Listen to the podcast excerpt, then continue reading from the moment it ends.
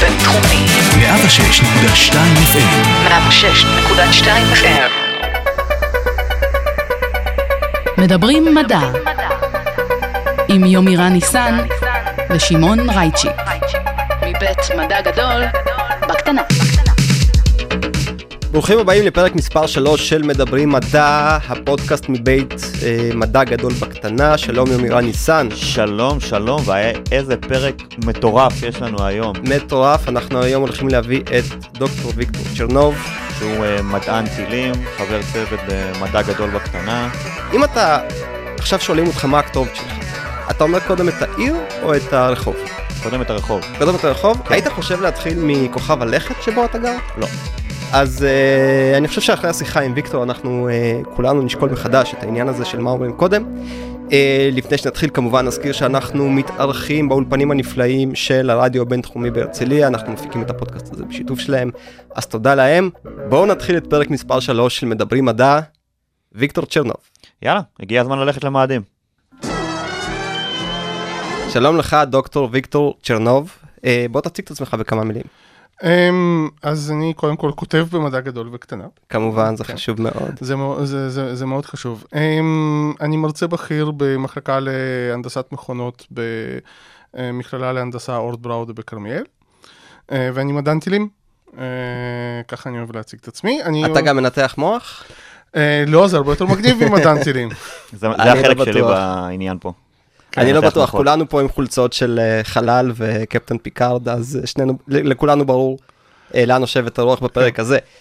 אה, בוא ספר לנו, מה הקשר שלך לטילים? האם נגעת בטיל לאחרונה? לאחרונה לא, המחקר שלי בתואר שני ובתואר שלישי היה בתחום טילים. אמ, גם המחקר קצת אחרי אה, סיום הלימודים היה, חלק ממנו היה בתחום טילים. היום אני יותר עוסק בשריפה, פחות, אה, פחות בטילים, יותר בהיבטים, אה, יותר בהיבטים- סביבתיים של השריפה.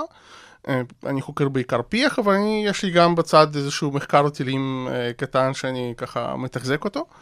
Um, בתחום חלל אני יותר מתעניין, אני פחות, uh, זה, זה פחות תחום מחקר ספציפי שלי, אבל אני מתעניין ואני מבין מספיק ב- בשביל להאיר את עיניהם של הרבה אנשים. אתה הזכרת עכשיו אה, פיח, וזה, וזה מדהים, זאת אומרת, בחצי דקה של שיחה אנחנו עלינו על סתם אחת מתוך, אני מאמין, מיליוני נקודות שהן אתגרים בדרך למה שאנחנו הולכים לדבר עליו, שזה התיישבות על כוכבי לכת אחרים. Uh, לצורך העניין פיח הוא uh, דבר מאוד משמעותי בתכנון ובנייה של uh, מנועים, בעיקר מהסוג שאנחנו רואים בתקופה האחרונה. אבל לפני שנגיע לקשיים האלה, עד לפני מספר שנים, אה, הדבר הכי גדול שזכרנו מהרפתקאותינו כבני אדם בחלל היה נחיתה על הירח, שעכשיו אנחנו חוג- חוגגים לה 50 שנה. אה, בראשית האירה את עינינו שוב, לפחות אה, בארץ, וספייסיקס התחילו את הפעילות המסיבית שלהם גם לא כזה מזמן. מה קרה שכולנו רוצים פתאום להגיע רחוק יותר מאי פעם?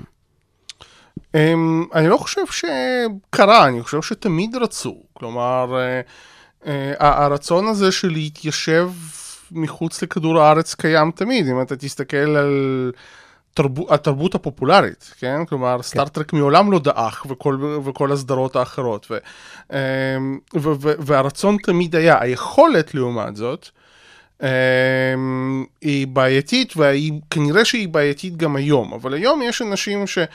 הם דוחפים את זה קצת יותר חזק פשוט כי הם יכולים נגיד המפורסם ביניהם ביותר זה אילון מאסק שהציטוט שלו זה שהוא רוצה למות במאדים ולא מהתנגשות. זה כאילו זה, זה, זה, זה ציטוט די מדויק. יפה. אה, הוא צריך לדבר עם החבר'ה של SpaceIL. שאלה באיזה טקס יקברו אותו שם. שאלה... השאלה אם יקברו אותו שם אם אנחנו נדבר על קבורות אני בכלל לא בטוח שיקברו אלא יכול להיות שפשוט ימחזרו את הגוף שלו ל... אוקיי. אז לאן פנינו בעצם? זאת שאלה מצוינת, כי, כי, כי פנינו, אה, קודם כל חייבים להבין שפנינו בתוך מערכת השמש שלנו, אנחנו לא באמת יכולים לצאת מחוץ למערכת השמש, אנחנו בקושי יכולים להסתובב בתוך מערכת השמש. אה, שני הכוכבי לכת שמדברים עליהם בעיקר הם ירח ומאדים. כלומר, זה העיקריים שמדברים עליהם. יש עוד אה, שתי כוכבים שהם ככה, יש להם פוט, פוטנציאל שאולי מדברים, אחד מהם הוא טיטן, אוקיי? שהוא- אחד הירחים של... אה, אה, אחד הירחים של סאטורן. של שבתאי. של שבתאי, אוקיי? אה, שם יש אטמוספירה, נח- נחתה עליו גשושית, כן? אה, הו- הויגינס, נכון? אני- אה, לא זוכר שמות, אני אני לא טוב טועה. בשמות. אה, ויש צילום, צילום אה, מאוד יפה של הנחיתה, אה, ממליץ כן. לכולכם לחפש ביוטיוב. אז, אז, אז יש שם אטמוספירה ויש שם קרח, אוקיי? ואנחנו נדבר על החשיבות של קרח. אה, האפשרות השנייה זה גנימד. אה, גנמיד, אחד הירחים של של... אה, צדק. של צדק, כן. אה, ששם אמנם אין אטמוספירה, אבל יש כמות מאוד גדולה של קרח. אוקיי? אבל שניהם נמצאים מאוד רחוק. מה עם אירופה? אה, יורופה. יכול להיות שגם אירופה האמת. אוקיי. אמ, אבל, אבל זה שני ככה, כל, כל המקומות האלה נמצאים רחוק, אה, הם כן מהווים איזושהי מטרה מעניינת, אבל אני, לא חושב, אבל אני לא חושב שמישהו לוקח אותם כרגע באיזושהי מידה של רצינות, כי פשוט לוקח המון זמן להגיע לשם וחזרה. אתה מדבר על מידה כלשהי של רצינות למשימה מאוישת, לא למשימה לא מאוישת. משימות לא מאוישות מסתובבות בכל רחבי אה, מערכת השמש, ואנחנו מדברים כרגע על התיישבות. כלומר, אנחנו כרגע מדברים על להגיע לשם ולהקים איזשהו מקום שבו אנשים אה, גרים איזה כמה זמן. אוקיי? כלומר, אה, זה אפילו לא לבקר, כן? כלומר, לא מה שאמריקאים עשו לשים דגל ולחזור, אלא ממש לגור שם איזה כמה זמן. אפשר אגב, אה, ראינו את זה במשימת בראשית, אחד ההבדלים הגדולים בין משימה מאוישת ללא מאוישת, חוץ מהאתגרים של להחזיק אנשים בחיים למשך כל המסע, זה הזמן שלוקח להגיע בכל מיני שיטות נכון. למקומות הרחוקים. אז אה, משימת אפולו לקחה בסך הכל כמה ימים, שלושה ימים. שלושה ימים. הם לא היו יכולים לעשות את זה כמשימה יותר ארוכה, הם לא יכולים, לא בסדר גודל של שבועות וחודשים. לא, אפשר, זה לא שאי אפשר, כן? אסטרונאוטים כן חיים בתחנת החלל הבינלאומית אה, במשך חודשים. זה היה מסבך משמעותית. אבל זה היה ו- מסבך משמעותית, כן. זהו, ו- ובראשית טסה למאדים עם כל הטכנולוגיה המאוד זולה והיעילה שלה, והיא טסה לשם במשך שבועות במסלול מאוד מאוד מאוד מאוד ארוך, אבל הרבה יותר חסכוני. ב- אמ, זה בין- לא לגמרי נכון, היא טסה לשם, הזמן שלקח אה, לה להגיע בצורה שהיא טסה, היה בעיקר בגלל שהם רצו לוודא שהם עושים הכל נכון. כלומר, הם יכלו לעשות את אותו מסלול יותר מהר, אמ, אבל הם לא רצו לפשל. אה, ולכן הם לקחו את הזמן שלהם, ובצדק. כלומר, זו גישה, כש, כש, כשאתה מדבר על משימה בלתי מאוישת, זו גישה שהיא נכונה.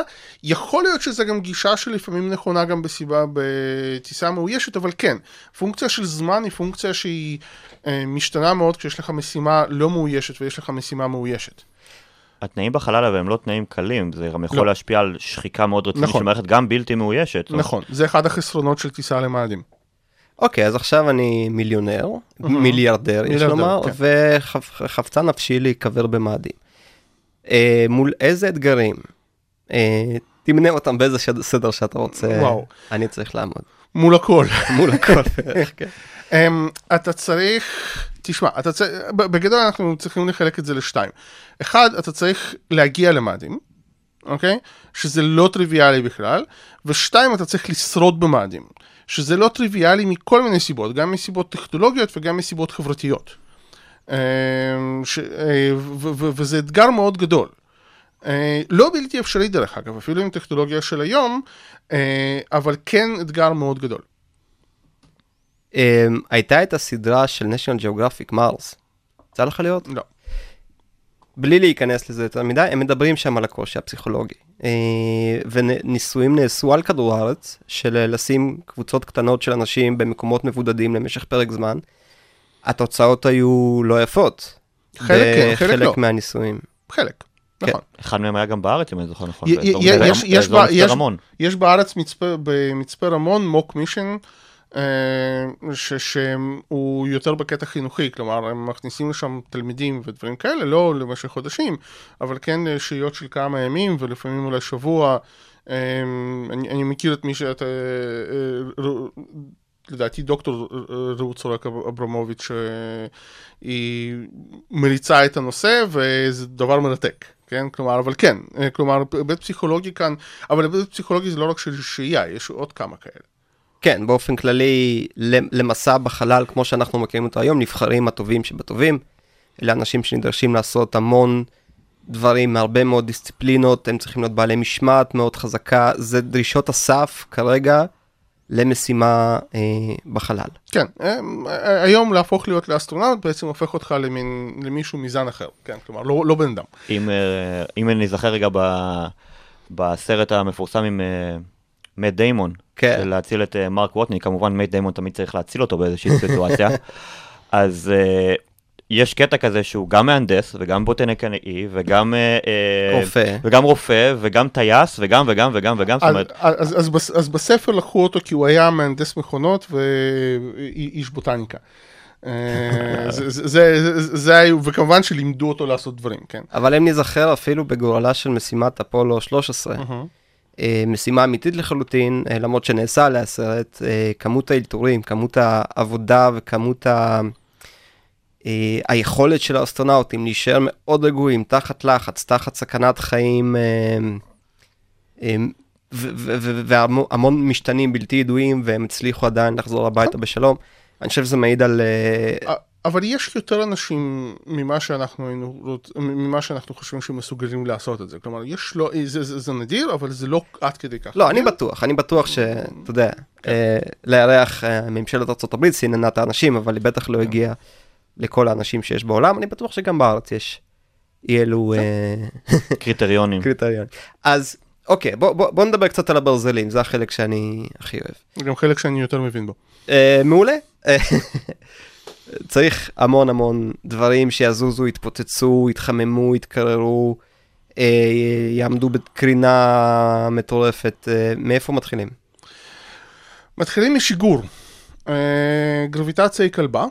אה, ואנחנו צריכים לעזוב את כדור הארץ קודם כל בשביל, אה, אה, בשביל להגיע לכל כוכבי הלכת האלה ורק שנבין, לעזוב את כדור הארץ זה עדיין החלק מהבחינה האנרגטית לפעמים הכי גדול ולפעמים בין הגדולים כלומר שאנחנו צריכים להתחשב בו. כן? כש, כלומר- כשאנחנו רואים שיגור של טיל, אה, ואגב שיגורים של SpaceX זמינים ב YouTube בזמן, ב, בחי, אפשר לראות שאחרי אחרי משהו כמו אה, כמה דקות שהחללית בעצם בתעופה, היא כבר משילה ממנה את נכון. רוב המשקל שלה, כ-80% מהטיל, אם אני זוכר נכון את המספרים, יורד יותר. יותר. כן. נופ... מיועד אך ורק להוציא אותנו מהמרק הסמיך הזה שהוא אה, האטמוספירה שלנו, כן. ומאיפה שהכבידה הכי חזקה. ו... וזה זה, זה, זה לא רק להימלט מהכבידה, כלומר זה אה, לעלות לגובה אפשר, ה- מה שהרבה אנשים לא יודעים שעיקר המהירות שאנחנו, שעיקר האנרגיה שאנחנו הולכים זה בשביל, בכלל בשביל לקבל מהירות.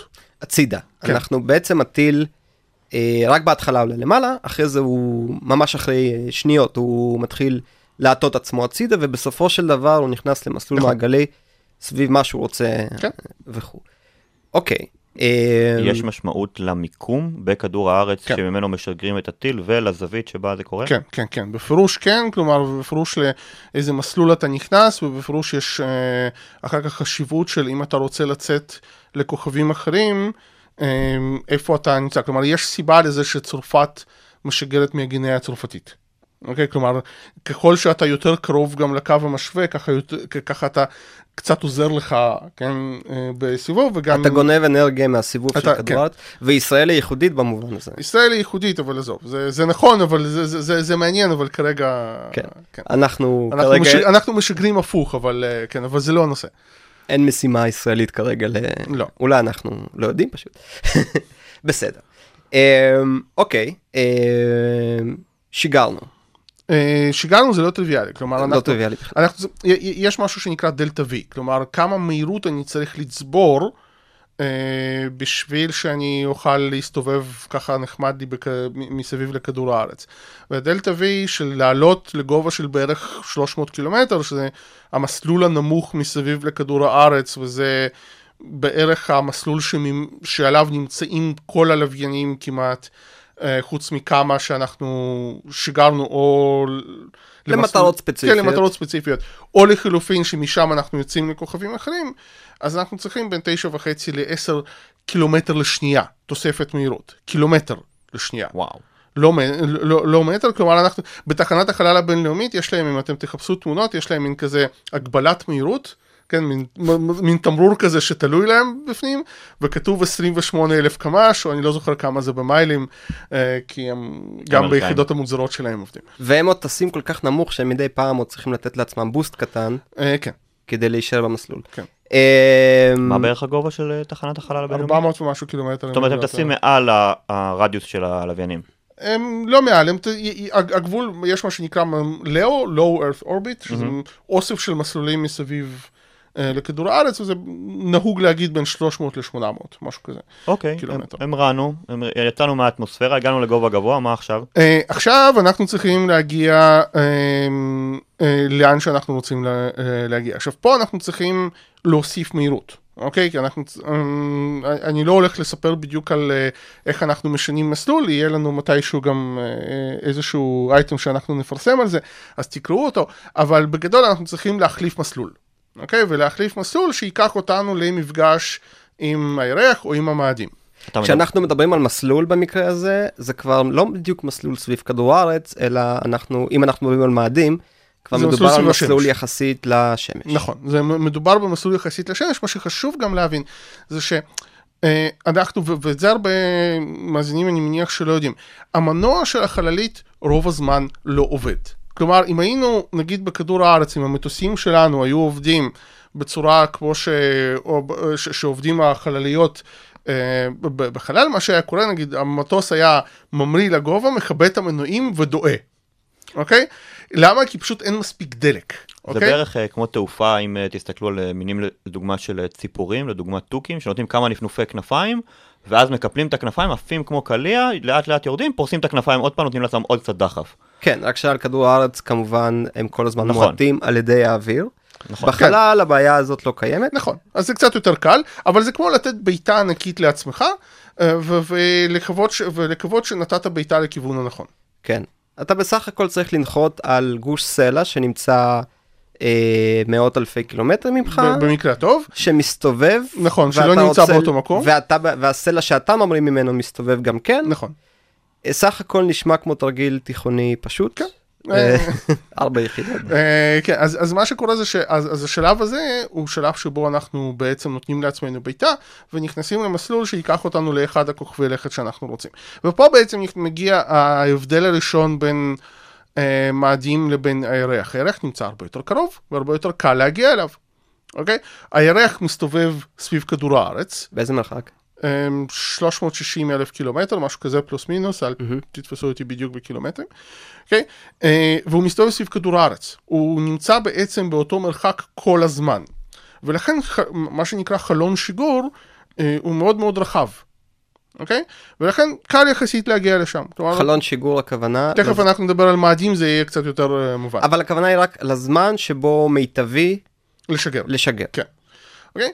עכשיו, אז, אז הירח מהבחינה הזאת הוא, נו, עכשיו, בירח אנחנו עדיין, נש... כש, כשאנחנו טסים לירח, אנחנו עדיין נשארים בגרביטה, ב- בשדה הגרביטציה של כדור הארץ, פחות או יותר. כלומר, אנחנו לא נכנסים למסלול סביב השמש, אלא אנחנו עדיין נמצאים במסלול סביב כדור הארץ עד, ש... עד שהירח תופס אותנו בעצם. זאת אומרת, מרכז המסה שהכי משפיעה היא עדיין כדור כן, הארץ. ר- במשך רוב הזמן זה עדיין כדור הארץ, אוקיי? אה, כלומר, כמובן שמשיכת השמש עדיין קיימת, אבל אנחנו מסתובבים ביחד עם כדור הארץ כן, סביבו. כן, כל הקבוצה הזאת של ירח, אה, כדור הארץ והטיל שאנחנו מטיסים, הם בסך הכל, אפשר להסתכל עליהם כעל מערכת אה, אחת שלא מאוד מושפעת מהבדלי כן, כן, המרחקים. ב- ב- בגדול כן. וזה הרבה יותר קל, אוקיי? לעבודה. עכשיו, מאדים הוא יותר בעייתי. אחד הדברים שהם בעייתיים בחלל, זה שמעבר לזה ש... אמ, צריך לנוע שם, לא מעבר לזה, בגלל שצריך לנוע שם במהירויות גבוהות אה, על מסלולים, חוקי קפלר אחראים על זה, אה, היעד שלך לא נמצא באותו מקום. הוא נמצא, הוא מסתובב סביב השמש. אוקיי? גם אתה מסתובב סביב השמש. הסיבוב הזה לא מסונכרן. אוקיי? כלומר, יכול להיות מצב שבו, אה, ולוקח לך גם זמן להגיע. אוקיי? אז יכול להיות מצב שבו המאדים מאוד רחוק מכדור הארץ, ויכול להיות מצב שמאדים הוא מאוד קרוב מכדור הארץ. פעם בשנה עכשיו, ומשהו, נכון? אז, אז, אז זהו, שנייה. אז מה שקורה זה ש... אמ, אם נכניס לכאן את העובדה שיש לנו כאן מגבלת דלק, כי אנחנו המראנו מכדור הארץ ואנחנו היינו צריכים המון תוספת מהירות, אוקיי? אה, אז אנחנו צריכים כאן איזשהו מסלול אופטימלי, כן? שאנחנו נוכל עם הדלק שיש לנו להגיע למאדים. והמסלול האופטימלי הזה קיים אה, בערך פעם ב-26 חודש, אם אני לא טועה. פלוס מינוס שנתיים, כן. כן. כן? כלומר, אה, ואז אנחנו יכולים עם יחסית מעט דלק, וזה יחסית, אה, להגיע אה, למאדים. עכשיו חשוב להגיע, חשוב לתאם את זה, כי אתה זז, אז, אז זה לוקח משהו כמו 7-8 חודשים, אבל גם מאדים זז, אז כדאי לתכנן את המסלול ככה שאתם תגיעו לאותו מקום בערך, ולא תפספסו אחד את השני. רצוי. רצוי. אמ, אז, אז בשביל שכל הדברים האלה יתקיימו, יש לנו חלון שיגור של בערך שבועיים, שקורה פעם בערך ב-26 חודש. אם אתם תעקבו אחרי חדשות, אז פעם בשנתיים בערך יש לנו פתאום המון שיגורים למאדים אחד אחרי השני. כולם משגרים. אמריקאים משגרים, רוסים מנסים לשגר, אה, הודים משגרים. לרוסים יש כרגע גש- גשושית על המאדים? לא. אה, זה מעניין, אם יגיעו לשם שתי גשושיות כאילו אמריקאית ורוסית, כזה מתקרבות אחת לשנייה, עושות שלום, או לא יודע מה, המפעילים מורידים את הראש איכשהו, ומתקדמים ו- הלאה, אתה יודע, קרב רובוטים בחלל. מא- מאדים זה מקום גדול, אני לא חושב שהם ייפגשו. אה, אבל... אה, סתם ברמת ה- הרעיונית, כן. אה, איך זה יהיה כאילו בין שתי המעצמות. אבל על, על זה אם יהיה לנו זמן גם אנחנו נדבר בעצם איך אנחנו עושים את זה חוקית שם. אבל מה שקורה זה שיש לך את הזמן הזה לשגר. אה, וזהו, עכשיו אם אתה מצליח לבנות איזשהו טיל ממש ממש גדול עם, עם צריכת דלק ממש ממש טובה, אז אתה לא חייב. אבל נכון להיום אין לנו את הטכנולוגיה הזאת. כלומר, נכון להיום אנחנו צריכים את המסלול המיטבי בשביל להגיע למאדים, ואנחנו מסוגלים לשגר לשם פעם בשנתיים. התוכנית של אילן מאסק, למיטב ידיעתי, זה ב-2022 אה, לשגר שתי חלליות עם ציוד, וב-2024 לשגר אה, בני אדם. אה, ואם משהו משתבש בציוד, אז הוא יצטרך לחכות עוד שנתיים. כן, ואז עוד שנתיים לבן אדם. כן. אה, אגב, אה, כשוויאג'ר שוגרה, היה מקרה שחוזר לעצמו פעם במאות שנים. כן. שבו הרבה מאוד כוכבי לכת עמדו במסלול... הסתדרו. הסתדרו, כן. הסתדרו. אה, הוא היה אסטרולוגים הוא היה בטח אסטרולוג, באותו- כן. באותו יום. במבנה מאוד מאוד אה, אופטימלי, וזה מה שאפשר לשגר את הגשושית הזאת מאוד מאוד מאוד רחוק, לעבור, וגם לבקר בהמון מקומות. לבקר בהמון אה, ולשלוח כוכבי את לכת, התמונות לשלוח את התמונות האיקוניות ביותר שיש אולי. אה, בתחום חקר החלל והנה עכשיו לא מזמן כמה זמן 30 ומשהו 40 שנה אחרי זה כמעט 40 שנה, נראה לי, כתבנו. על זה במדע גדול בקטנה, היה היא פוסט. לדעתי. מתקרבת היא מתקרבת לגבולות מערכת השמש עוד רק פעם, מתקרב. גבולות מערכת ש- אה, של שמש זה, זה דבר כן, נוזיל כן. מאוד, אבל אה, סדרי הגודל של הזמן הם הדבר בעיניי לפחות המדהים ביותר, זאת אומרת זה, זה כזה טווח נשימה ארוך יש לאנשים זה שוגר האלה. לפני שאני נולדתי. כן, וואו. גם אני. אוקיי, אז אה, רק אה, שאלה אולי אה, שצריכה אה, להישאל בשלב הזה, אם באמת הקושי הגדול ביותר שלנו הוא בעצם, מבחינת דלק, מבחינה אנרגטית, זה לצאת מהאטמוספירה, אז מדוע לא לבנות את החללית בסגנון תחנת החלל הבינלאומית, להעלות את כל הדברים שאתה צריך לשם, נכון שזה ייקח כמה שנים של בנייה, אבל לכוון את זה למסלול האופטימלי, ואז לתת את הדחיפות היחסית קטנות האלה, ולהתקדם אה, אל אה, מאדים. אז אם אתה מעלה את זה מכדור הארץ, אה, זה לא שווה את זה כנראה. זה כנראה לא שווה. למרות שהם, חלק מהאנשים שחושבים אולי חושבים שאולי כן, כלומר יש, יש כמה תוכניות. אה, לא, לא פרקטיות, לא מסודרות, אבל כשאנשים חשבו על איך עושים את זה, זה משהו שנעשה. אבל אחד הדברים שאולי כן אפשר לעשות, אם אנחנו, אה, יש היום גם ניסיון לכרות אסטרואידים. כן, אוקיי. היפנים עושים את זה. לא רק היפנים, יש כל מיני חברות וכל מיני עושים הכוונה רוצים לעשות. רוצים לעשות, כן, כן, לא. יש, כמה, יש כמה חברות שרוצות שיש להן תוכניות מטורפות גם לאיך כורתים אסטרואיד, אה, חלק רוצים להביא אסטרואיד אה, קרוב לכדור הארץ שזה רעיון פחות טוב, אה, מה כבר יכול להשתבש? זה לא קרה מעולם ב- בהיסטוריה של כדור הארץ. אבל, אבל עקרונית אם אנחנו מפיקים את חומרי הגלם שלנו בחלל אז אולי זה כן רעיון טוב, כלומר, כרגע עכשיו, אנחנו- יש את אנחנו אה, כרגע- אוזיירס רקס שמנסה, יש כמה חברות, אה, אני חושב שפלנטרי ריסורסס אני חושב שפשטו את הרגל לדעתי, אבל אולי לא. לא דיברתי על המשימה של נאסא, אוזיירס רקס אה. שמנסה להביא דגימה. כרגע בסדר, להגיע דגימה- לאסטרואיד ו- ולחזור. דגימות כבר הביאו, זה לא הפעם הראשונה שכבר יהיה... כבר- באמת? כן, בטח. אה, לא, אני לא יודע אם אסטרואיד, אבל בטוח מכוכב שביט. כוכב שביט אבל אספו את הזנב שלו. אה, אם כן, אני לא טועה. כן. כן. אה, אבל מה זה אספו את הזנב שלו? ירו לתוכו זה. אה, יר- ירו מין חץ, ומה שיצא כתוצאה מהירי של החץ הם אספו את זה. היו כמה. משימות, היו כמה משימות. אוקיי, אתעדכן. מעניין, כן. סבבה, אז אה, יש, יש רשימה מאוד ארוכה של שאלות, אותי מעניין אה, לשאול משהו אחד. דיברנו על מאדים ועל הירח, אבל יש קשר בין השניים. אה, הרבה אנשים רואים את הדרך שלנו למאדים עוברת דרך בסיס על הירח. אני לא בטוח עד כמה זה רעיון טוב. למה? אמ, אני לא עשיתי את החישובים, אני כבר אומר את זה, אה, ויכול להיות ש... אבל אני לא בטוח שהאנשים האלה גם עשו את החישובים. כלומר, אני לא בטוח שברמה אה, האנרגטית, כלומר, ברמה אה, של איך יותר קל להגיע, אני לא בטוח שיותר קל לנו להגיע לירח ואז מהירח לכיוון מאדים. אמ, עכשיו, למה עוברים, למה כן יש את התוכניות האלה, וזו דעתי ודעתי בלבד, ויכול להיות שהחישובים יראו אחרת, כמו שאמרתי, לא עשיתי אותם, אני חושב שזה עניין פוליטי. כלומר, אה, הרבה יותר אה, קל לבנות משהו מסביב לירח, הרבה יותר קל לחלץ אנשים.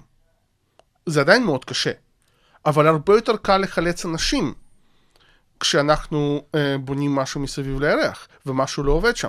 כי מה שקורה אם אנחנו משגרים משימה לכיוון מאדים, ומשהו, ויש שם את המקרה של אפולו 13, זהו, הם מתו. כן. אי אפשר לחזור. כלומר, סיגנל רדיו בנקודה הכי קרובה ממאדים מגיע אחרי שבע דקות. זאת אומרת, אנחנו לא נדע שהצוות שידר אות מצוקה, אלא שבע דקות אחרי. גם אם נדע, אין לנו, הם, הם לא יכולים אין- להסתובב. אין מה לעשות. הם, הם לא יכולים להסתובב. אחד הדברים שחשוב להבין זה ש... וזה משהו שהוא גם אחת הבעיות כשאנחנו טסים לכוכבים אחרים, זה שלעצור בחלל גם דורש דלק. אוקיי? נכון, תמיד משגע אותי בסרטים. שהספינות מתות והן מכבות מנועים, אבל לא, הן צריכות להדליק נכון. מנועים כדי לה... באקספנס דרך אגב המרחב הפיזיקה בנויה מאוד בצורה הרבה יותר טובה והרבה יותר הגיונית אבל בחלל אתה אין חיכוך אין מה שיעצור אותך נכון. אמ, אז, אתה, אז אם אתה רוצה לעצור ולחזור אתה צריך להפעיל המון המון מנוע שפשוט אין דלק זה לא יעבוד אז, אז אני חושב שהבסיס בירח או מסביב לירח יש כל מיני אה, רעיונות, יש כאלה של לבנות ממש על הירח, יש רעיונות של לשים תחנת חלל מסביב לירח, תחנת גדול, חלל גדולה.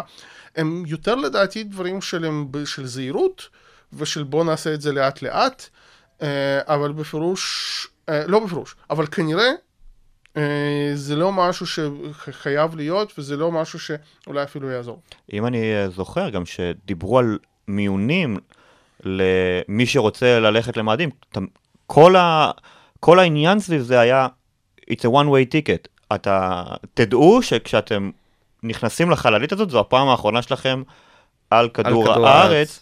מתוך מחשבה שגם אם תגיעו לשם, וגם אם תשרדו, וגם אם יהיה לנו את כל הטכנולוגיה להחזיק אתכם שם, אתם לא חוזרים. מי שעבר לשם, ימות שם. זה בזבזני מדי, כן. זאת אומרת, אתה יש רוצה להשקיע משאבים בלהביא אנשים. יש לזה. גם סיבות אחרות, אבל אה, כן. איזה עוד סיבות? אמ, אם אתה נמצא שם מספיק זמן ולא עושה כושר, אתה כנראה... אתה לא תוכל לשרוד על אתה כדור כנראה הארץ. לא תוכל לשרוד על כדור הארץ. אבל, אה, אה, שימו לב לכם אנשים שעושים תוכניות לטווח ארוך.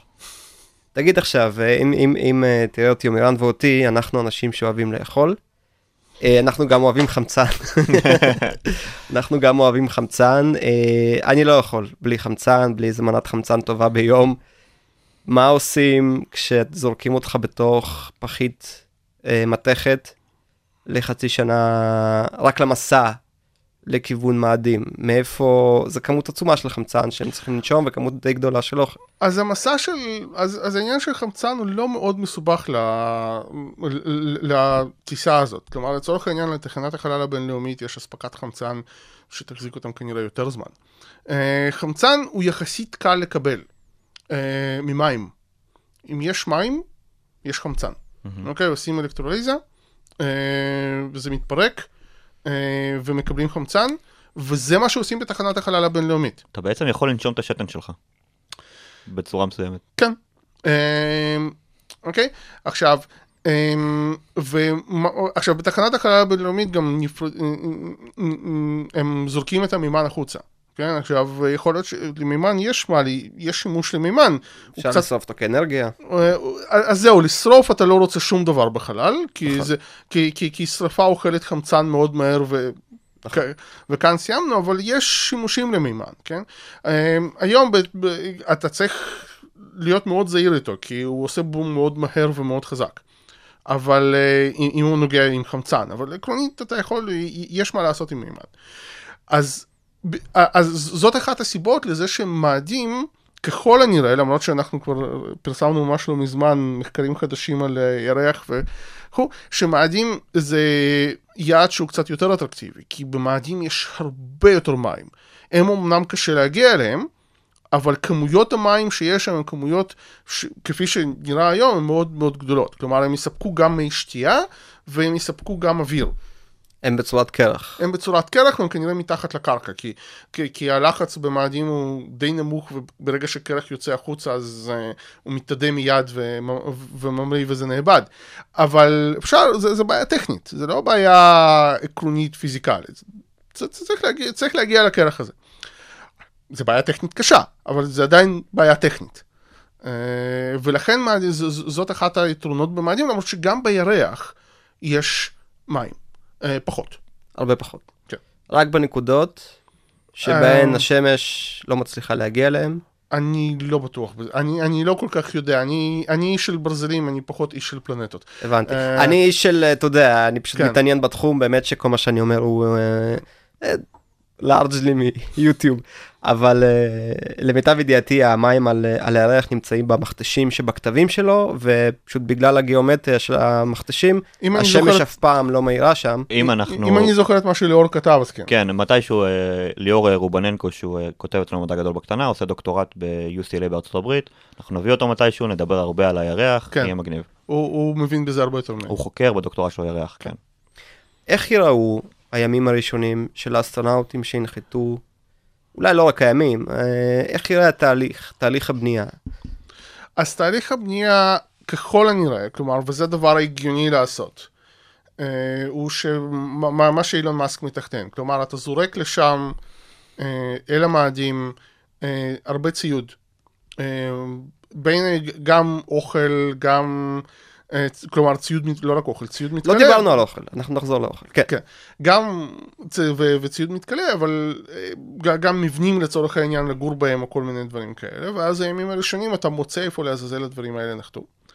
אה, ואולי מביא אותם לאיפה שהם אמורים להיות, ובונה. השאלה היותר מעניינת זה מה קורה אחר כך, כי, כי לימים הראשונים אתה יכול, או לחודש הראשון או ל-X זמן, אתה יכול, יש לך אספקה. כן, כלומר, אתה, ש... אתה לקחת חללית מאוד גדולה, אתה שמת שם אה, מספיק אוכל, אתה לקחת אנשים שאוכלים מעט יחסית אה, ויודעים לשלוט בעצמם, אה, אבל עכשיו בשלב מסוים האוכל הזה נגמר וצריך לייצר אוכל חדש. וזה כבר הופך להיות יותר בעייתי. כלומר עכשיו, וכאן חשוב להבין, אנחנו צריכים כאן למחזר הכל, כולל אוויר. אוקיי? כלומר, יש לנו איזושהי בעיה.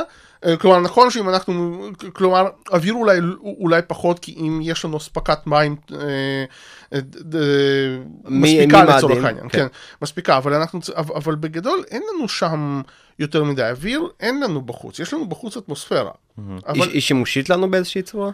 אמ, לא מאוד. לא ממש? אה, זה, זה נחמד שיש אטמוספירה, כי נגיד, אפשר לבלום איתה? כן, זה, כן. יותר, זה, יותר, זה פחות מסובך מוואקום מוחלט. כן. אה, היא גם קצת אה, שומרת על הטמפרטורה, היא, כלומר, אין את הקטע הזה של הירח שיש הפרשי אה, חום מאוד גבוהים מאוד בין הצד. ה... בין יום ללילה. שגם הורסים לך את הציוד. כן. מצד שני יש סופות חול עצומות.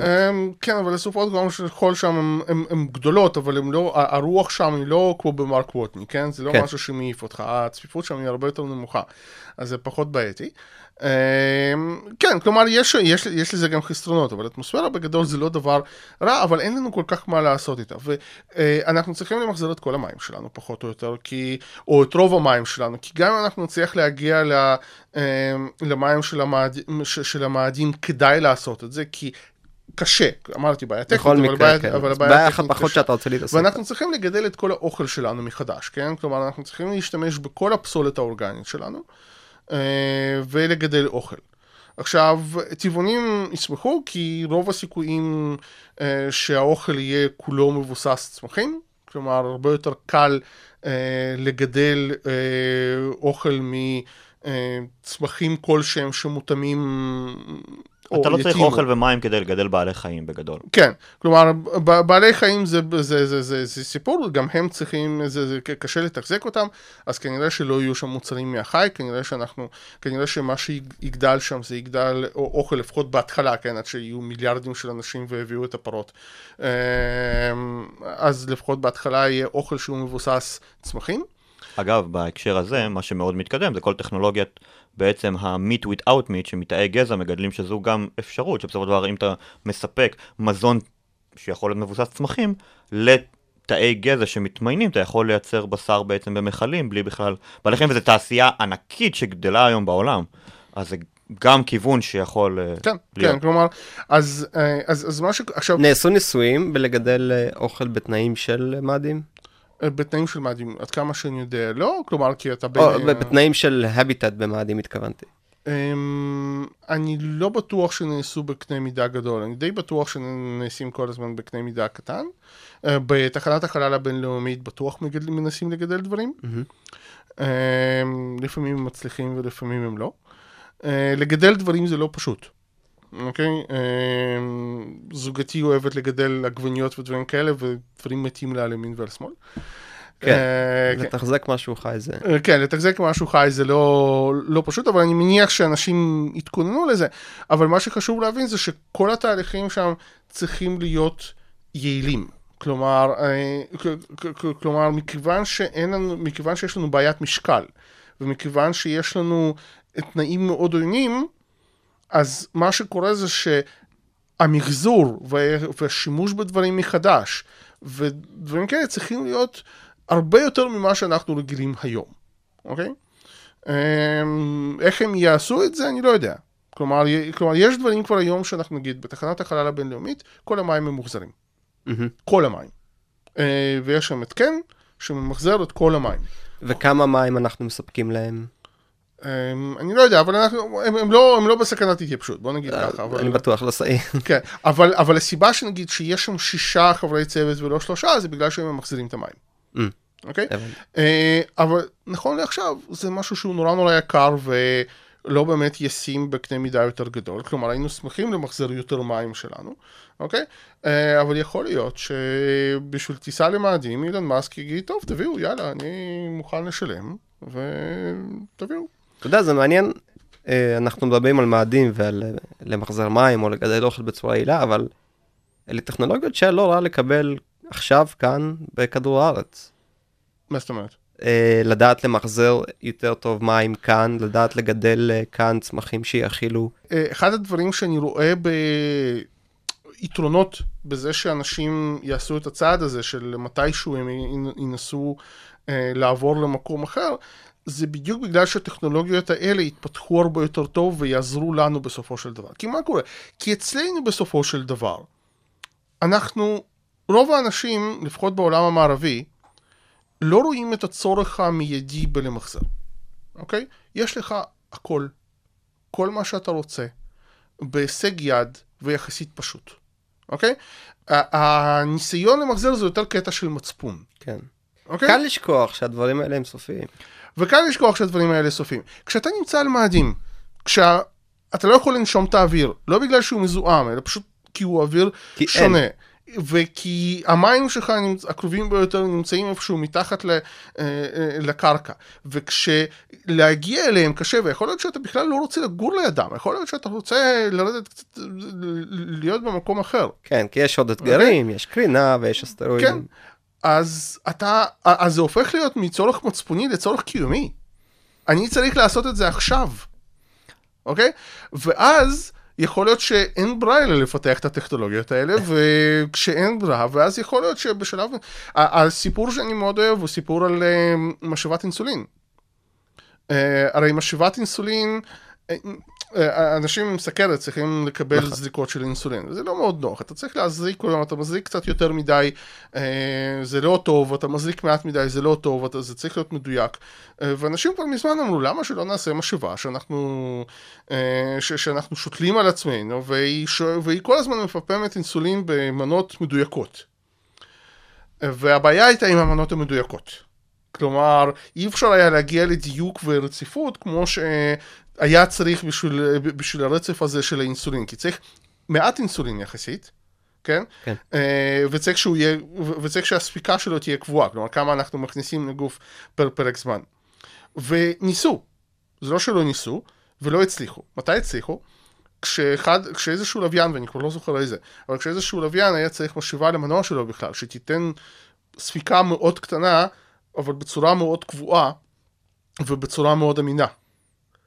ואז ברגע ש... ו- ושם לא הייתה ברירה. כי פה הייתה ברירה, אנשים יכלו להזריק. אז אבל- אה, אבל הנה ש- המוסר השכל, תן אבל ש- לחבר'ה של נאסא כן, לפתח. אבל שם לא הייתה ברירה, ואז ברגע שזה הצליח, הצליחו לפתח משאבות אינסולין. עכשיו צריך לזכור ש, שבעצם כשאתה מסתכל על זה, כשאתה לוקח את האנשים ושם אותם על פלנטה אחרת, אתה בעצם, בעצם סוג של בונה אקווריום. מה הכוונה שלי? על כדור הארץ יש לנו מערכות מחזור שהן חלק מהפלנטה שלנו, יש לך מחזור, חמצ... אה, אה, מחזור אה, של חמצן, מחזור של פחמן, מחזור של חנקן. כל כדור הארץ מתנהל באיזה, מחזור של מים, שמתנהל באיזשהו מעגליות. בפלנטה אחרת אתה צריך לבנות את כל זה, כמו שמישהו שבונה אקווריום צריך לבנות את כל מערכות המחזור הפנימיות, ש- פנימיות שלו, והמערכת חייבת להיות uh, self-sustainable לאורך הרבה מאוד זמן, בצורה סופר יעילה, כי ברגע שעשית פאשלה אחת והגידולים החקלאיים שלך נגיד שהם הידרופונים ואפילו לא צריכים קרקע, מתים, כל המושבה שלך יכולה למות, כל המושבה של ה... כל האקווריום שלך במרכאות, זה אקווריום שרק אתה מטפל בו. כן, זה, זה אתה גם אקווריום חי בו וגם אתה זה שמטפל. זה, זה נקרא לזה, זה, זה כלא שהאסירים מנהלים את עצמם באיזשהו מקום. כי, כי התקשורת הקרובה ביותר נמצאת שבע דקות ממך, במקרה הטוב, אה, בגלי ולפ... רדיו, ולפעמים אין, ולפעמים אין, כי השמש מסתירה. ואין עזרה. זאת אומרת, לא משנה מה קורה, עד שמישהו מכדור הארץ יוכל להגיע אליך, אתה מת. אני שומע את מה שאתה אומר, ובאמת המחשבה הראשונה שיש לי זה הקושי הפסיכולוגי, נטו לדעת אה, שזה המצב שלך. שזה המצב שלך. אתה עכשיו, מבחירה, אה, אני מניח, שמת את עצמך אה, במקום המאוד מאוד מסוכן הזה. איך שלא נסתכל על זה, המסע הראשון יהיה רצוף אתגרים. ולא דיברנו עדיין על קרינה, לא דיברנו עדיין על אבק. אני חושב שיש שם עוד דברים, כי... תשמע, זה, זה לא פעם ראשונה שאנשים אנשים שמים אותם במסע שהוא מסוכן שאי אפשר לחלץ אותם. בוודאי. כן? כלומר, אפשר אנשים שהלכו לקוטב הדרומי, נכון. כאילו, הלכו מבחינתם זה כיוון אחד ואין מי שיעזור למה שקורה בדרך. נכון. אז זה לא פעם, זה, זה טבע של אנשים, ללכת למקום מסוכן שבו אתה יכול למות, אנשים עושים את זה. העניין הוא שאתה בונה שם גם, שחברתית אתה בונה אחרת.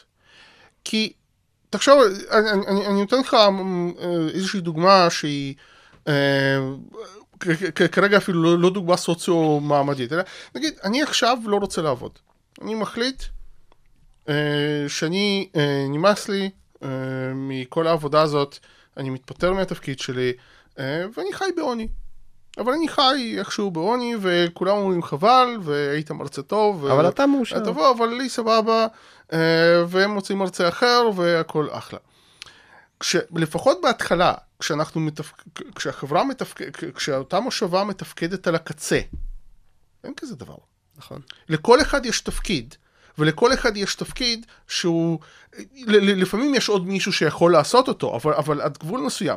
אף אחד לא יכול לבוא ולהגיד, אתם יודעים מה, אני, נמאס לי, אל תיתנו לי אוכל, אל תיתנו לי שום דבר, אני אגבה לי פה מרעב ברעב בשקט, או, או אפילו תנו לי להחליף עבודה. אוקיי? זה לא משהו שאפשר לעשות בקלות. כלומר, היום אני רוצה להיות שליח של פיצה, אה, וכאילו, זה, זה, אני לא רוצה להיות לגמרי, אני, אני, אני אומר, אני עולה לקטנוע, עושה את השש שעות שלי, ואני מצליח לשכור דירה קטנה ולחיות מהפיצה שאני, מהשאריות של הפיצה, ואחלה. אני לא יכול לעשות את זה. אני, הביאו אותי כמהנדס טיפול מים, אולי יש עוד אחד, אבל כנראה שגם לו יש תפקיד. אני צריך להמשיך, אם אני לא אעשה את זה, אחרים, אנשים ימותו. אוקיי? כלומר, אני, אין לי את החופש של לבוא ולהגיד, חבר'ה, אתם יודעים מה נשבר לי. זה מהר מאוד גולש ל... אתה יודע, לקווים הכי אולי אה, אנושיים ומסובכים, כן, כן. שמאפיינים את החברה שלנו, שמאפיינים אותנו, ודיברנו מקודם על האנשים הבאמת מיוחדים שדורשים כדי אה, אה, גם לשבת בתא הטייס של הכלים האלה, ואפילו אם תסתכל על החבר'ה של ספייס.איי.אל ששיגרו את החללית, מדובר בח... באנשים מאוד מאוד מיוחדים, זאת אומרת, רק להביא פרויקט כזה לידי ביצוע. אה, שלא לדבר על לגור שם, כנראה שידרוש מאיתנו את החומר האנושי, וכמו שאמרת, מחשבה מחודשת לחלוטין על מה זה חברה ומה זה מבנה חברתי. כן, תחשוב על זה, אילון מאסק נגיד מגיע לשם, נוחת בשלום, ומתחילים להקים מושבה יחד עם העוד 100 חבר'ה שהוא הביא. מה שווה הכסף שלו? לא שווה הכסף שלו. אם אילון מאסק יחליט פתאום, "אה, תעשו עבודה, אני פה, הכל שייך לי פה, יגיד לו, "פפ, יאללה יאללה, תעשה את, ה... את התורנות שלך או משהו כזה. כי אין. כן? כלומר, זה שהוא הוא יכול להגיד עד מחרתיים, אבל כשמערכת בתי משפט והמשטרה הקרובה נמצאים במרחק של אה, המון אה, שעות טיסה ו... זהו. אלא- אם תביא איתך מערכת של משטרה. לא, אבל. גם, אבל, אבל גם זה הם, כנראה לא דבר שאתה רוצה לעשות בהתחלה. אבל גם הם צריכים לחיות ממשהו. כלומר, אילון מאסק יצטרך לתת את התפקיד שלו, למזלו הוא כנראה מהנדס טוב והוא כנראה אה, יוכל לעבוד שם, אבל זה לא שנגיד אמרת אני מיליארדר ואני יכול, אז כשאתה מגיע לשם אתה כמו כולם. אולי, אולי לא כמו כולם, אבל אתה עדיין צריך לתת את החלק שלך. עכשיו צריך לזכור גם משהו נוסף, שאנחנו היום בכדור הארץ מסתכלים בעולם המערבי לפחות, כמשהו טבעי, שזה העניין של טיפולים רפואיים שדורשים טונות אדירות של משאבים ומכונות וציוד, ואנחנו מדברים על כרטיס שהוא חד-כיווני, זאת אומרת באיזשהו שלב אנשים יזדקנו ויהיו להם בעיות, וחלק מהאנשים האלה יש להם תפקידים מאוד חשובים. ופתאום בן אדם יכול לקבל לך איזשהו אירוע, ואין לי דרך לטפל בו, והוא יודע שאין דרך לטפל בו, אבל גם אין מי שיחליף אותו. זאת אומרת, יש פה בעיות שהן כאילו מאוד מאוד מורכבות, גם בקטע של, אחד הדברים שאני אוהב להגיד, זה שבני אדם מאוד מיוחדים בקטע של תיעוד והעברת הידע, אבל פה צריך גם לייצר איזושהי מערכת שמלמדת אחרים איך לעשות את התפקיד שלך למקרה שאתה לא יכול.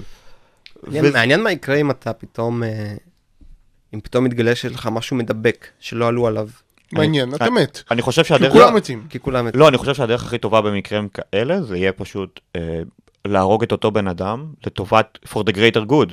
זה קיים בהרבה יצורים חיים אחרים בטבע שהורגים גם בתוך הגוף האנושי שלנו, שאם יש לך תא, יש לך מערכת של השמדה תאית עצמית. להרוג את הבן אדם הזה כדי שלא יהרוג את כל המושבה, זה בהחלט יכול להיות אופציה שעל הפרק. מדהים.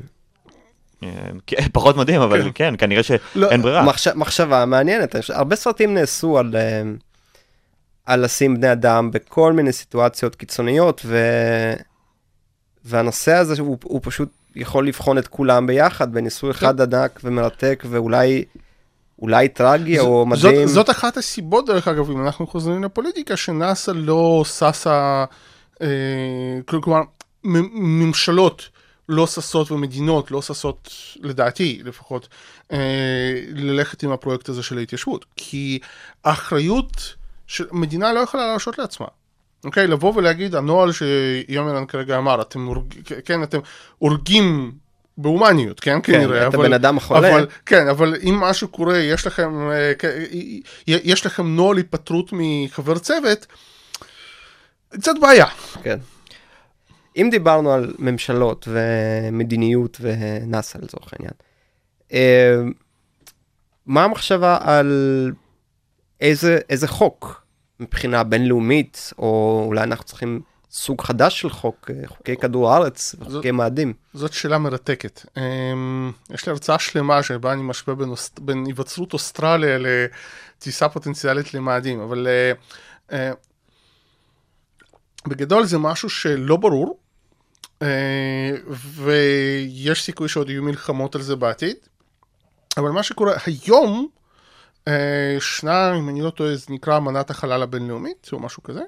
אה, בגדול מה שהיא אומרת זה שהחלל הוא של כולם. אוקיי? מדינה לא יכולה לקבוע בעלות על איזשהו שטח, אה, הוא שייך לכלל, אה, כן, מה שנמצא מחוץ ל-100 קילומטר, כן, גובה. היא יכולה לתקוע דגל על הירח? היא יכלה לתקוע דגל, אבל, אבל לארה"ב זה לא שייך לארה"ב, היא פשוט הם שמו דגל, אמרו אנחנו היינו פה. אבל אם עכשיו נאס"א תהיה הגורם, או לצורך העניין איחוד, איזושהי סוכנות חיילה אחרת, היא זאת שתממן את עיקר החלק ותכשיר את עיקר האנשים, ועל המושבה יהיה דגל הברית, כי נאס"א שלחה את כל הדברים האלה, אז דה פקטו, גם אם אמנת החלל אומרת שזה לא שלהם, זה כן שלהם. לא, לא, הם, אה, כלומר, בפירוש, ארה"ב לא יכולה לטעון שזה השטח של, שזה חלק מהשטח שלהם. אין, אי אפשר, אוקיי? זה משהו שאסור. אה, ורוב המדינות בעולם חתומות על זה. אה, כלומר, הוא איכשהו שייך לכולם, אבל זה לא באמת פותר את הבעיה. אוקיי? למשל, אח- אחד הדברים, אחד החוקים שעבר לפני כמה שנים, לא זוכר כמה זמן, אבל לא מזמן, בבית נבחרים האמריקאי, אמר משהו שהוא נשמע מאוד מאוד הגיוני, אבל, אבל, הוא לא, כלומר הוא לא טריוויאלי. הוא אמר שחברות קריאת אסטרואידים, מה שדיברנו לפני זה, יכולות לבקש בעלות, אה, יכולות לא לבקש, אלא יש להם בעלות על הדברים שהם כורתים מהאסטרואיד, אוקיי? הן לא יכולות לטעון לבעלות לאסטרואיד עצמו. זאת אומרת, אם חברה אחרת שולחת אסטרואיד, והוא קודח אוקיי. מכונה ליד כן. מכונה, הם יכולים להביא, לצורך העניין, כן. יש לי לא- תחושה שאם הטכנולוגיות האלה יתקדמו אה, בקצב מספיק מהר, אנחנו נהיה עדים ללא מעט דיונים סביב... עכשיו, די- דיונים, הלוואי רק דיונים. רק, כן. עכשיו כמובן, עכשיו זה לא יעבוד, כי אם אני במאדים מוצא מקום שבו קל לי להגיע לקרח, אוקיי? Um, אני ארצה שהוא יהיה שלי, ואם מישהו אחר יבוא לשם, uh, אז המנה היום לא כל כך מסתובב, וירצה גם להקים בסיס, איך אנחנו פותרים את ה... היום uh, המצב החוקי הוא, uh, הוא, הוא נכון לשנות ה-60, זה, זה, זה אמנה משנות ה-60, כשהיה מרוץ חלל בין ברית המועצות הברית, והיה איזשהו רצון קצת לרסן אותם, אה, ו- ובעצם לא- להוריד קצת את, ה-. את, הנפיץ. את, את היריבות בחלל ליריבות טכנולוגית בלבד. כן, מה אוקיי? שדי עבד. ו- וזה ו- כן, כלומר, אה, ארה"ב וברית המועצות שיתפו פעולה בחלל הרבה הרבה לפני שנגמרה המלחמה הקרה. כלומר, נכון. הם הבינו את החשיבות של זה. אבל עכשיו, כשאנשים יתחילו להגיע לשם, אז זה יהיה שאלה של איך אנחנו אה, חיים פה, כמה קל להגיע למים, כן? כמה קל לשגר לי מפה בחזרה. כי אחד הדברים, נגיד, שאילן מאסק רוצה לעשות, הוא רוצה לייצר אה, דלק טילים במאדים בשביל שאפשר יהיה לחזור. נכון, בגלל זה הוא עובד עם אה, מתאן, אם אני לא טועה? כן, עם מתאן. אה, כי מתאן יחסית קל לייצר, אז הוא רוצה לעשות את זה. אם יש לי פה מרווח שקל לי לייצר ממנו מתאן, כלומר עוד פעם בעיות נפט, כן? אה, אז כל- הדברים האלה, הם יצטרכו איכשהו לפתור את זה. ונכון להיום, אף אחד לא חושב בכיוון, אה, והבעיה היא כזאת, הבעיה היא שטכנולוגיה וחוק, הם כן מזינים אחד את השני, אוקיי? נכון. אה, וזה שאנחנו נחשוב היום על החוק, אה, והטכנולוגיה תעשה איזה משהו אחר, אז החוק יהיה מיותר. מצד שני, אם הטכנולוגיה תהיה מספיק מתקדמת והחוק יפגר, גם תהיה בעיה. כלומר, חלק מהדברים שאנחנו רואים היום זה בעולם, כן? זה כל מיני דברים שבריטניה החליטה במאה ה-17 לספירה, וזה נמשך עד היום, כן? כלומר, למה ככה? למה לא? כן, כי אפשר. אה, האמת זה, אני רק חושב על זה מבחינה דמיונית. תחשוב שפתאום כאילו אה, יש לך תחנת חלל נגיד אה, אמריקאית, ופתאום כאילו אסטרונאוט סיני דופק לך מבחוץ, אסור לכם לקחת את המים האלה, תביאו לנו חלק מהם. כאילו, זה די הזוי, אבל תיאורטית מבחינת החוק היום, ומה קורה כשזה לא סוכנות. ממשלתית? מה קורה אם אנחנו מדברים על מרס 1 שאני חושב שכבר נסגרו, או אילון מאסק, שמגיעים בתור גופים מש- פרטיים. גוף פרטי, משלחת פרטית, כן, אילון מאסק אמר, יש לי כסף, אני רץ. כן, תגיד, מה- אמ, אם נעבור לגור במאדים, ובאמת תיווצרנה שם אה, אה, קהילות ואורח חיים דומה באיזושהי צורה לכדור הארץ. אה, מה לדעתך יהיה שונה ברמה האנושית, ברמה החברתית, בתוך החברות האלה? זאת אומרת, למשל, העולם שלנו מובל על ידי דת, בהרבה מובנים עדיין. אה, איך לדעתך הדבר הזה אה, יתעצב שם? אז השאלה היותר רחבה, וזה חשבתי על זה יותר מאוחר, השאלה היותר רחבה זה שאלה של אה, לוח שנה. אוקיי? כלומר, גם לוח שנה וגם זמן. כלומר, יממה במאדים היא 24 שעות, ואני לא זוכר כמה, ולדעתי 40 דקות. אוקיי? עכשיו, אה, הייתה לנו, הייתה בטכניון פעם מישהי שהייתה מנהלת משימה של, אה, של שני הרוברים שהיו שם, כן? כלומר, של... אה, של אופורטוניטי ודיסקאבר. כן. אה, לא, לא דיסקאברי. קיוריאסיטי? לא דיסקאברי, אופורטוניטי, קיוריוסיטי, אני לא זוכר מי מהם זה מי. אז כן. ש- אז, אז היא הייתה משימה של רוב, היא מנהלת משימה של רוב. הזוג. הכפול, הצמד הכפול עם ה... כן.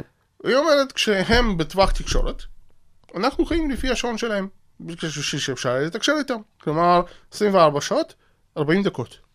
אוקיי? כלומר, היממה שלהם הייתה קצת יותר ארוכה מהיממה האמיתית פה. כן. היא אומרת, זה, זה הדבר הכי קשה. כן? כלומר, בשלב מסוים, אתה, אתה עושה את זה מספיק זמן. היממה שלך זזה. כן. ואתה לא מבין איפה אתה נמצא. אתה לא מבין אור לילה, מה, מה, מה, מה קורה. עכשיו, בבירור, הדבר ההגיוני לעשות, הוא לעשות יממה לפי המשך של סיבוב שלם.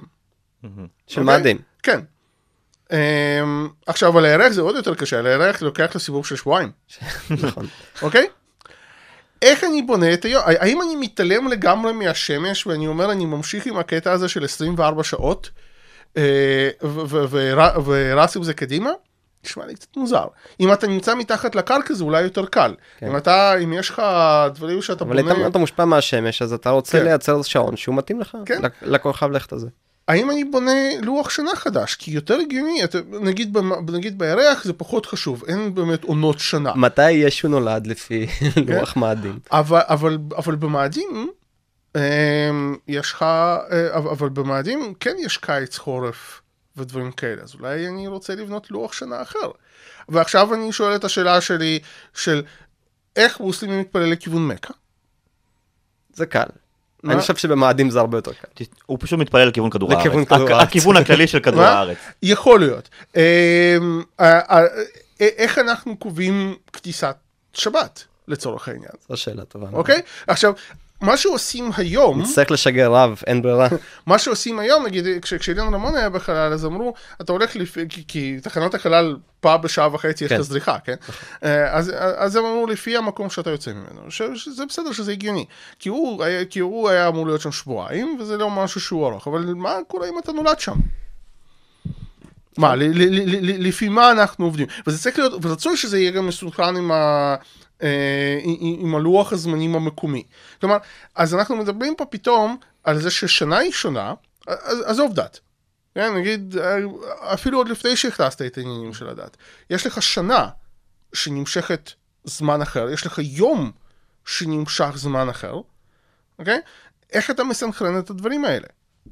אוקיי? אה, תחשוב כמה קשה היום אה, לעבוד מול אה, אנשים שנמצאים בארצות הברית. באזור זמן שונה. כן, באזור זמן שונה, או, או, או, או באוסטרליה, כן? כן. כלומר, זה, זה, זה, זה, זה מכניס את הקושי של זה, נכון? זו שאלה שאגב, כמתכנת, עד, עד, עד לפני לא הרבה זמן, זו שאלה שהטריפה, הטריפה את מהנדסי התוכנה לסנכרן שעונים רק, רק בגלל הפרשי הזמנים על כדור הארץ וכל המוזרויות שכרוכות בזה. אתה, זו, זו שאלה מעניינת, זאת אומרת, אפילו לשאול מה, מה התאריך היום ומה השעה על מאדים כנראה יהיה לא, ו- אה, דבר מאוד מאוד טריוויאלי. אני חושב שהנקודה הזאת אה, בהרבה מובנים מסכמת אה, את השיחה אה, מאוד מאוד מרתקת הזאת, אנחנו לצערנו, לצערנו אה, עברה שעה מבלי, מבלי שאפילו שמנו לב. אה, וואו, אני מרגיש כאילו, כאילו רק אה, נגענו ב, בקצה, זה נושא סופר מרתק, אני חושב שאנחנו חיים בעידן אה, מאוד מעניין מהבחינה הזאת, מאוד הרבה בחינות. אז אני רוצה להודות לך אה, על שהתארחת במדברים מדע. אני שמחתי להגיע לפה, זה היה כיף. אה, ואתה תחזור, אל תעשה, אנחנו אל צריכים ת- להתחיל לדבר על אל מה קורה. מעבר לכוכבי מערכת השמש שלנו ומה יש עוד, יש עוד כל כך הרבה and שאלות, beyond. יש עוד כל כך הרבה שאלות, אה, זה כיף לראות שבארץ יש, אה, אה, יש תנועה בתחומים האלה, ו, וכמובן בראשית, זה, זה נושא שלם שבהחלט יקבל אה, פרק משלו. היה מדהים ומרגש לראות כאילו את ההתרגשות המד... של כלל המדינה פה מ... מהפרויקט הזה באמת. כן. כמה אנשים אוהבים את התחום פה. אז אה, דוקטור ויקטור צ'נוב, תודה שבאת למדברים מדע, שמוקלט בשיתוף ובאולפני אה, הרדיו הבינתחומי בהרצליה, יומירה ניסן, always a pleasure. תמיד. ואנחנו נשתמע איתכם בפרק הבא של מדברים מדע להתראות. ביי ביי. להתראות. מדברים מדע. עם יומירה ניסן ושמעון רייצ'י. מבית מדע גדול בקטנה.